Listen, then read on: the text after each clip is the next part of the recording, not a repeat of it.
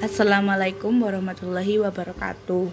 Saya Olivia Feviana dari kelas 11 MIPA 5 nomor absen 27 akan menceritakan mengenai kisah Nabi Samuel.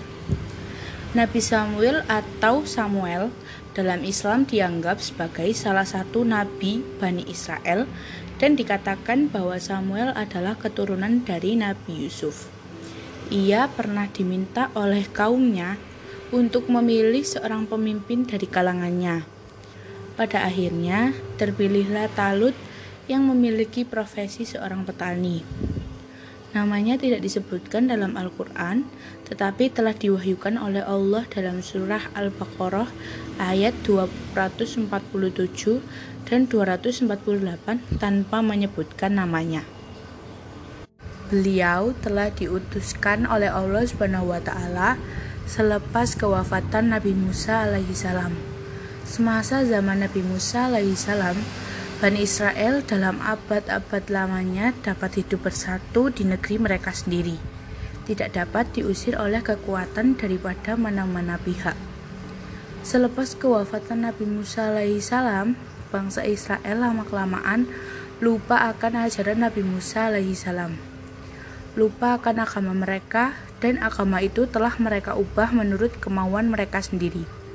Dalam keadaan yang demikian itu, akhirnya mereka dapat dikalahkan dan diusir dari kampung halaman mereka sendiri oleh bangsa Palestina.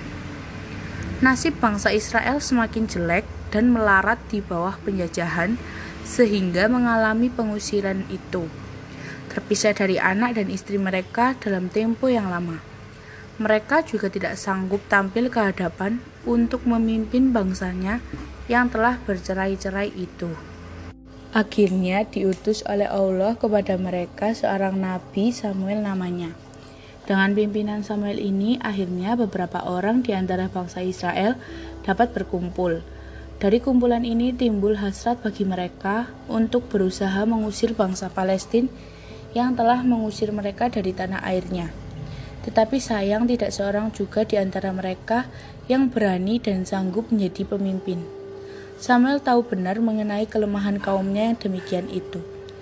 Kelemahan yang disebabkan oleh tidak adanya kemauan untuk berjuang dan kelemahan karena tidak adanya rasa patuh terhadap pemimpinnya. Dengan tegas, Samuel berkata kepada mereka, Sebab kelemahan kamu adalah karena kamu sekalian tidak mau berjuang menghadapi peperangan bila dipanggil untuk berperang. Mereka menjawab, kami sanggup berjuang dan bertempur karena tidak tahan lagi hidup sengsara terpisah dengan anak, keluarga, dan tanah air sendiri. Asal saja ada yang memimpin kami dalam perjuangan dan pertempuran itu. Samuel meminta mereka menunggu karena Samuel ingin menerima petunjuk dari Allah Subhanahu wa taala terlebih dahulu tentang maksud ini. Lalu kepada Samuel diwahyukan oleh Allah Subhanahu wa taala agar memilih Talut menjadi raja dan pemimpin perang mereka. Samuel sendiri rupanya belum kenal siapa Talut itu.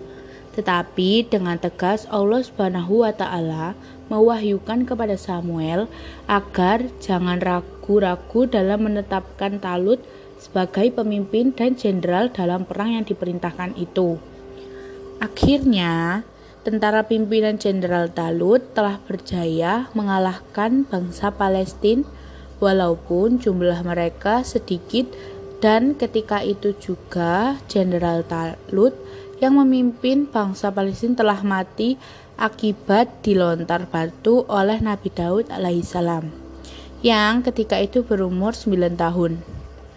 Nabi Samuel alaihissalam turut menyertai peperangan itu yang mana talut milik Bani Israel telah berjaya dirampas semula. Hal positif yang dapat diambil dari kisah Nabi Samuel adalah satu Samuel berserah diri kepada Allah agar bisa menerima petunjuk tentang siapa yang memimpin pertempuran. Kedua, Nabi Samuel bertindak tegas dalam menetapkan Talut sebagai pemimpin dan jenderal dalam perang yang diperintahkan itu.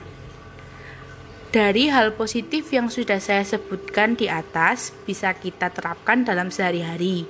Misalnya, selalu taat kepada Allah dengan cara mempercayai semua pilihan yang diberikan Allah kepada kita.